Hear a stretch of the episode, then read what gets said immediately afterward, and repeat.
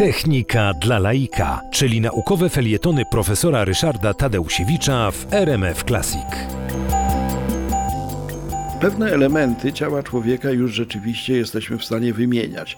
Przykładem są zastawki serca, przykładem są fragmenty naczyń krwionośnych, które albo można wymieniać, albo wstawiać tak zwane stenty, takie rozpierające sprężynki, dzięki którym przepływ krwi się polepsza. Dotyczy to głównie tętnic wieńcowych serca.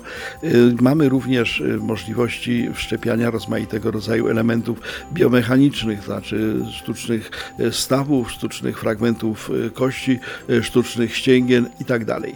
Natomiast narządy te, które są odpowiedzialne za bardzo ważne funkcje człowieka, udało się sprotezować, ale niejako na zewnątrz ciała człowieka. Jest używane sztuczne płuco serce, czyli narzędzie, które pełni tą samą rolę jak, jak serce i płuca, ale na zewnątrz ciała człowieka w postaci odpowiedniego mechanizmu. Ono jest używane przy operacjach kardiochirurgicznych, kiedy własne serce pacjenta trzeba zatrzymać, a krążenia zatrzymać nie można, bo człowiek umrze. W takim wypadku właśnie to sztuczne płuco serce zewnętrzne w stosunku do człowieka, ale nie wszczepialne jeszcze na razie do klatki piersiowej może funkcjonować. Bardzo rozpowszechnione są obecnie dializy, czyli metody pozbywania się z organizmu toksyn, produktów przemiany materii w sytuacji, kiedy zawodzą służące do tego normalnie nerki. I wobec tego te tak zwane sztuczne nerki są obecnie dość rozpowszechnione. Pracuje się nad tym, żeby zminiaturyzować tą sztuczną nerkę tak, żeby pacjent mógł ją nosić ze sobą, bo na razie to jest sporej rozmiarów szafka, do której pacjenta trzeba dołączyć, no i to oczywiście budzi rozmaitego rodzaju e, kłopoty.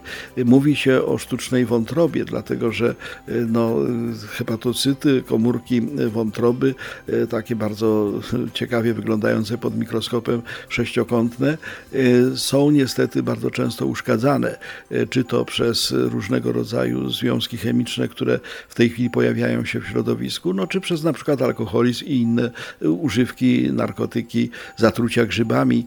No w takim wypadku trzeba zamienić ten, tą, tą wątrobę zniszczoną y, procesorem chemicznym. Y, na razie postęp w tym zakresie jest ograniczony, no ale jednak ten postęp się notuje. Jest możliwość zastąpienia przynajmniej niektórych funkcji trzustki. Y, trzustka jest elementem regulującym poziom cukru we krwi.